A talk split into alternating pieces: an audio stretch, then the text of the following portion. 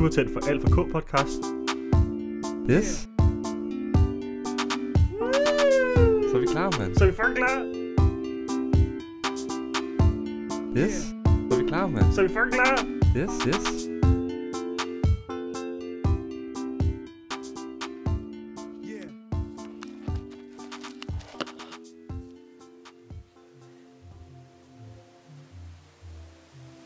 Hej og velkommen. Du lytter til Alt for K podcast.